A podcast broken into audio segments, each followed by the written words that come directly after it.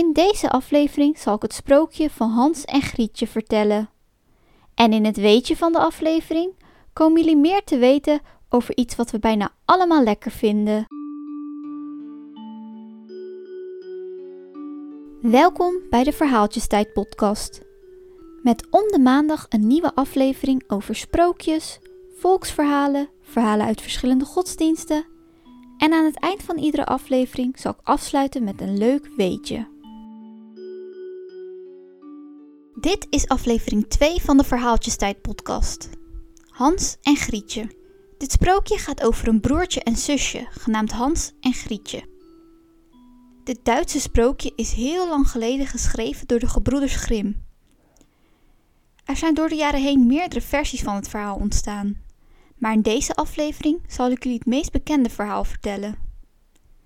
Je komt hierin te weten waarom je een vreemde nooit moet vertrouwen, ook al lijken ze nog zo lief.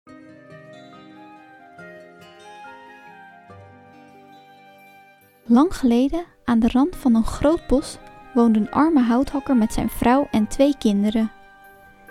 Het jongetje heette Hans en het meisje Grietje. Ze hadden maar heel weinig te eten en alles werd maar duurder en duurder in het land. Hierdoor konden zij geen brood meer kopen. Het was avond en de arme houthakker lag in bed. Hij lag maar te woelen en maakte zich grote zorgen. Hij zei toen tegen zijn vrouw: Wat moeten we nu doen? Hoe kunnen we onze kinderen te eten geven terwijl we niets voor onszelf hebben? Weet je wat, antwoordde de vrouw. We zullen bij het eerste morgenlicht de kinderen wegbrengen. Heel diep het bos in. Dan maken we een flink vuur en we geven ze nog ieder een laatste stuk brood. Dan gaan wij aan het werk en laten we hen alleen. Ze vinden de weg naar huis niet meer terug en wij zijn ze kwijt. Nee, zei de man, dat doe ik niet. Hoe zou ik het over mijn hart krijgen mijn kinderen alleen te laten in het bos? Dadelijk komen er nog wilde dieren die ze aanvallen en opeten. Jij dwaze man, zei ze. Moeten we dan met z'n allen van de honger sterven? Ga dan maar alvast onze kisten maken. En ze bleef maar doorgaan totdat ze haar man had overgehaald. De arme houthakker gaf toe aan zijn vrouw, maar hij zou het wel heel erg vinden om zijn kinderen alleen achter te laten. De vader en stiefmoeder wisten alleen niet dat Hans en Grietje alles hadden gehoord. Ze hadden zo'n honger dat ze niet konden slapen en ze hadden van het gemene plan van de stiefmoeder gehoord. Grietje huilde en zei tegen Hans: Nu is het echt met ons gedaan. Rustig maar, Grietje, zei Hans.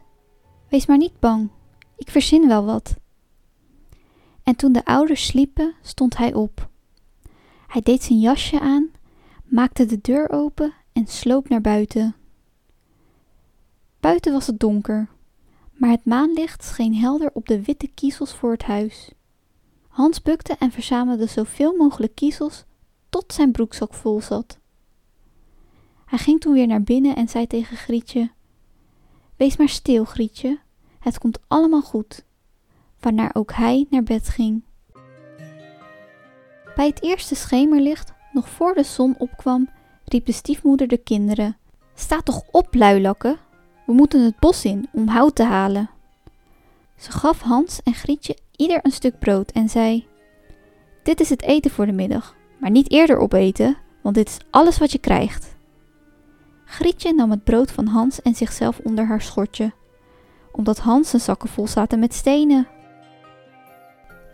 Toen gingen ze alle vier naar het bos. Toen ze een eind op weg waren, stond Hans stil en keek om naar het huis. En deed dat nog eens en toen nog eens. De vader zei: Hans, wat kijk je toch steeds om? Je loopt daardoor achter. Och, vader, zei Hans, ik kijk om naar mijn witte kat. Hij zit boven op het dak en wil me vaarwel zeggen. Maar Hans loog. Hij had helemaal niet naar de kat gekeken. Hij had de hele weg kleine kiezelsteentjes uit zijn zak laten vallen en keek of hij het pad van kiezelsteentjes nog zag liggen. De stiefmoeder zei toen: Dwaas, dat is je kat niet, dat is de zon op de schoorsteen. Ze kwamen nu midden in het bos en de vader zei: Nu moeten jullie hout sprokkelen.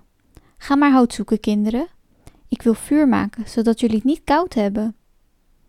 Hans en Grietje verzamelden een hele berg hout. Het hout werd aangestoken en toen de vlam hoog genoeg was, zei de vrouw: Gaan jullie maar bij het vuur liggen, kinderen, en rust maar lekker uit. Wij gaan het bos in om nog wat hout te kappen. Als we klaar zijn, komen we terug om jullie te halen.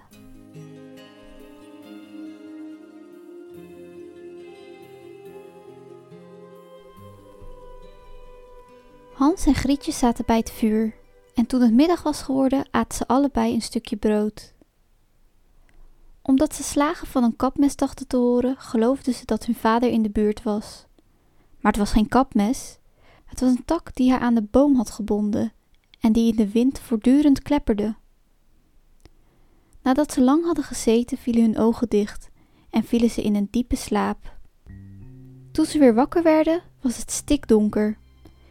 Grietje raakte in paniek en zei: Hoe komen we nu uit het bos? En Hans troostte haar: Wacht maar even, dan komt de maan op en dan zullen we de weg wel vinden. Toen de volle maan opkwam, nam Hans zijn zusje bij de hand. Hij ging de kiezelsteentjes langs die schitterden als nieuwe munten en hem de weg wezen. Ze liepen de hele nacht en kwamen bij het eerste ochtendlicht weer bij hun huis aan. Ze klopte aan, de vrouw deed open en toen ze zag dat het Hans en Grietje waren, zei ze een beetje verschrikt: Stoute kinderen, wat hebben jullie lang in het bos geslapen? We dachten dat jullie nooit meer terugkwamen. Maar de vader was blij, want het had hem veel verdriet gedaan dat hij de kinderen had achtergelaten. Kort daarop hoorden de kinderen hoe de stiefmoeder s'nachts in bed tot hun vader sprak. Alles is weer op. We hebben alleen nog maar een half brood. De kinderen moeten weg. We zullen ze dieper het bos in moeten brengen, zodat ze de weg niet meer terugvinden. Anders is er voor ons geen redden meer aan. Het viel de vader weer zwaar en hij dacht: Het zou beter zijn de laatste happen te delen met mijn kinderen. Maar de vrouw luisterde toch nooit naar wat hij te zeggen had. Ze werd alleen maar boos en maakte hem verwijten. En omdat hij de eerste keer had toegegeven, moest hij dit de tweede keer ook doen. Weer waren de kinderen wakker en ze hadden het hele gesprek gehoord. Terwijl de ouders sliepen, stond Hans weer op en wilde naar buiten gaan om kiezeltjes te zoeken, zoals de vorige keer. Maar de stiefmoeder had de deur op slot gedaan en Hans kon er niet uit. Toch troostte hij opnieuw zijn zusje. Huil maar niet, Grietje, ga maar lekker slapen. Het komt allemaal goed.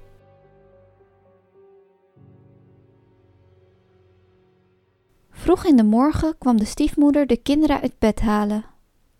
Ze kregen een stuk brood, nog kleiner dan de vorige keer. Op weg naar het bos brokkelde Hans het brood in zijn zak. Hij stond vaak stil en gooide dan een kruimeltje op de grond. Hans, wat kijk je toch steeds om? Je moet doorlopen, zei vader. Ik kijk naar mijn duif. Hij zit op het dak en wil me goede dag zeggen, antwoordde Hans. Jij dwaas, zei de stiefmoeder. Dat is je duif niet. Dat is de ochtendzon die op de schoorsteen schijnt. Maar Hans loog weer en keek naar de kruimels die hij gaandeweg op het pad had achtergelaten.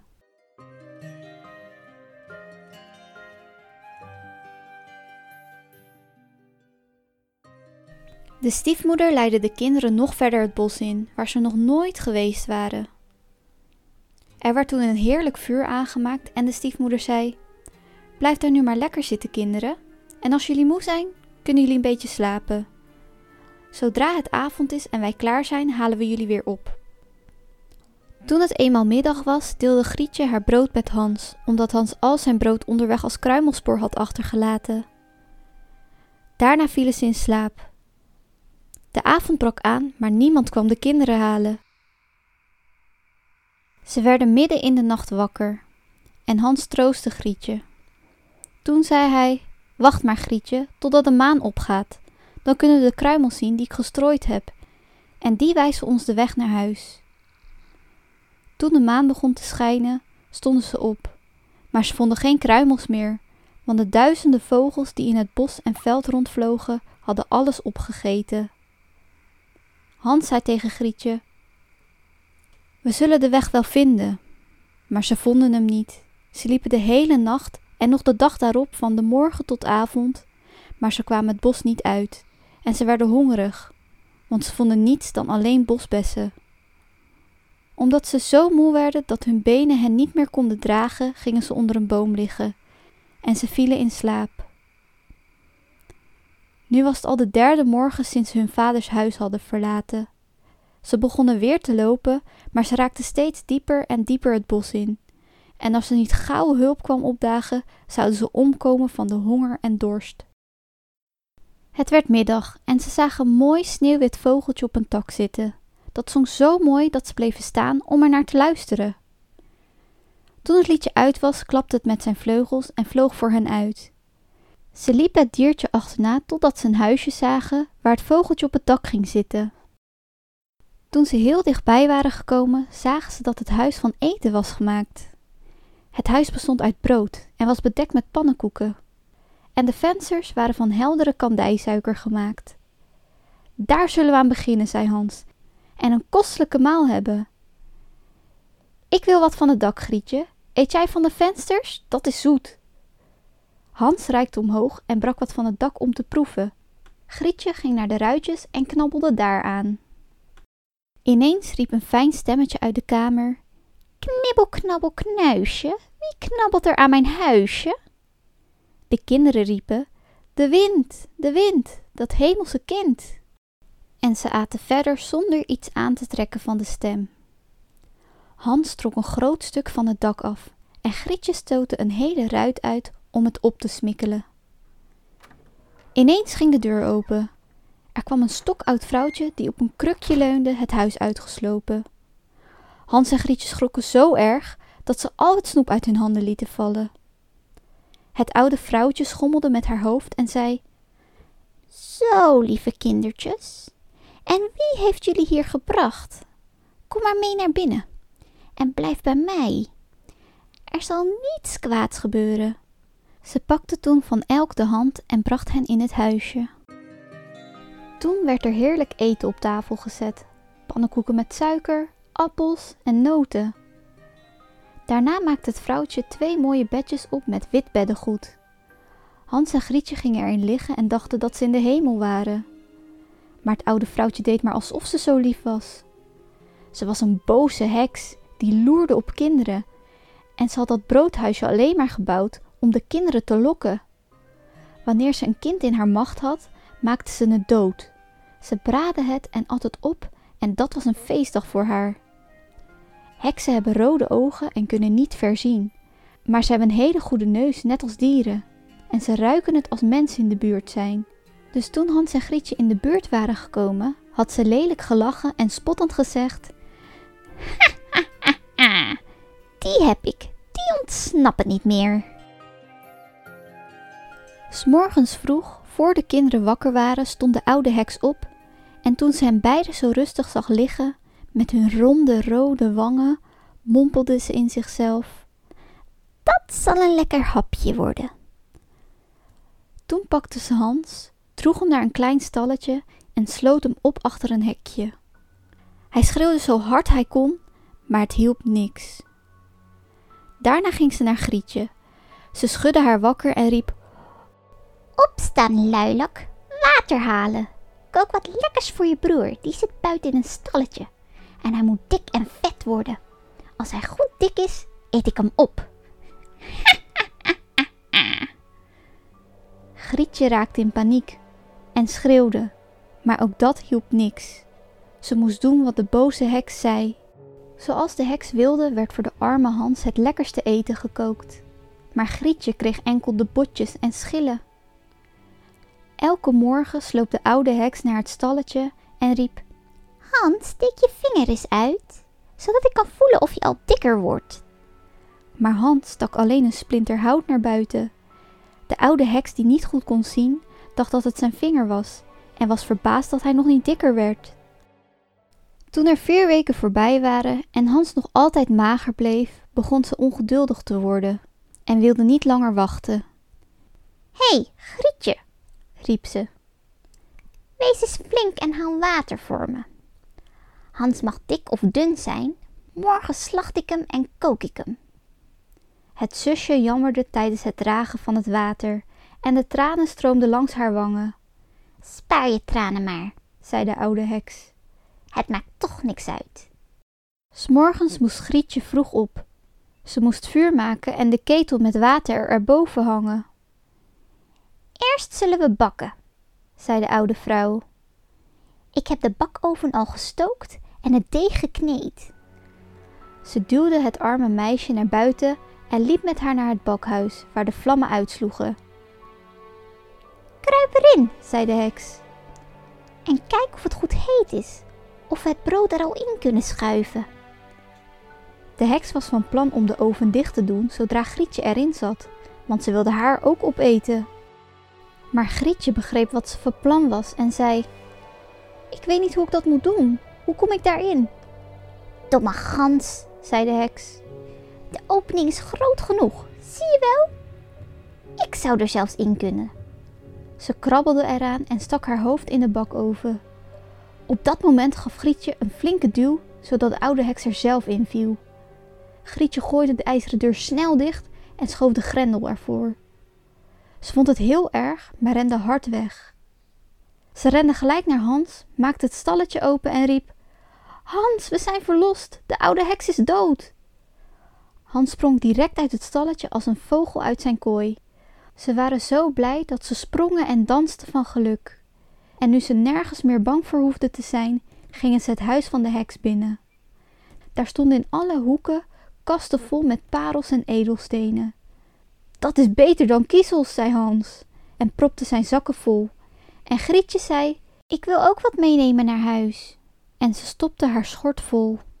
Maar nu gaan we naar huis, zei Hans. Ik wil weg uit dit heksenbos. Ze liepen weg en toen ze een paar uur hadden gelopen, kwamen ze bij een groot meer aan. Daar kunnen we niet overheen, zei Hans. Ik zie geen weg en geen brug. Er is ook geen bootje, zei Grietje. Maar daar zwemt een witte eend. Als ik het hem vraag, brengt hij ons vast naar de overkant. En ze riep: Eentje, eentje, hier zijn Hans en Grietje. Er is geen weggetje en ook geen bruggetje. Neem ons mee op je witte ruggetje. Het eendje kwam aangezwommen. Hans ging op hem zitten en vroeg zijn zusje erbij te gaan zitten. Nee, antwoordde Grietje, dat is hem te zwaar. Hij moet ons na elkaar overbrengen. Dat deed het goede dier, en toen alle twee veilig aan de overkant waren en ze een poosje verder liepen, begonnen ze steeds meer dingen te herkennen in het bos. Op een gegeven moment zagen ze in de verte een huisje. Ze liepen rustig dichterbij en toen ze zagen dat het hun vaders huis was, begonnen ze te rennen. Ze stormden de kamer binnen en vielen hun vader om de hals. De man was helemaal niet meer gelukkig sinds hij de kinderen in het bos had achtergelaten. En ondertussen was de stiefmoeder gestorven. Grietje schudde haar schortje uit, zodat de parels en edelstenen de kamer inrolden. En Hans? Hans leegde ook zijn zakken. Dit was het einde van al hun zorgen. Ze hadden nu genoeg geld en waren gelukkig samen. Dit was het sprookje van Hans en Grietje. Dit verhaal heeft ons geleerd dat je niet zomaar alles moet aannemen van vreemden, ook al lijken ze lief en geven ze je snoep of andere leuke dingen. In de volgende aflevering zal ik het verhaal vertellen van Pinocchio. In dit verhaal komen we erachter wat er gebeurt wanneer een jongetje genaamd Pinocchio liegt.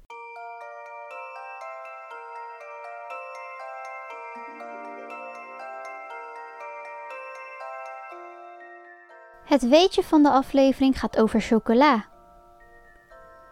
Wisten jullie dat chocola gemaakt wordt van suiker en cacaobonen? Cacaobonen groeien aan bomen. Deze bomen zijn onder andere te vinden in Zuid-Amerika en Afrika. Aan deze bomen groeit een cacaovrucht die gevuld is met cacaobonen. Deze cacaobonen gaan eerst door een heel proces voordat het uiteindelijk chocola is. Dus de volgende keer als je je lievelingschocola eet, kan je kijken hoeveel cacao erin zit. In puur chocola zit namelijk erg veel cacao, terwijl in melkchocola minder cacao zit en meer melkpoeder. In witte chocola zit bijna geen cacao, waardoor je dus eigenlijk geen chocola kan noemen. Dit was Verhaaltjestijd. Meer informatie over deze podcast kun je vinden in de beschrijving. Hier staat ook in hoe je mij het beste kan bereiken. Dus vond je het een leuke podcast of heb je ideeën voor een ander verhaal? Laat dan een bericht achter.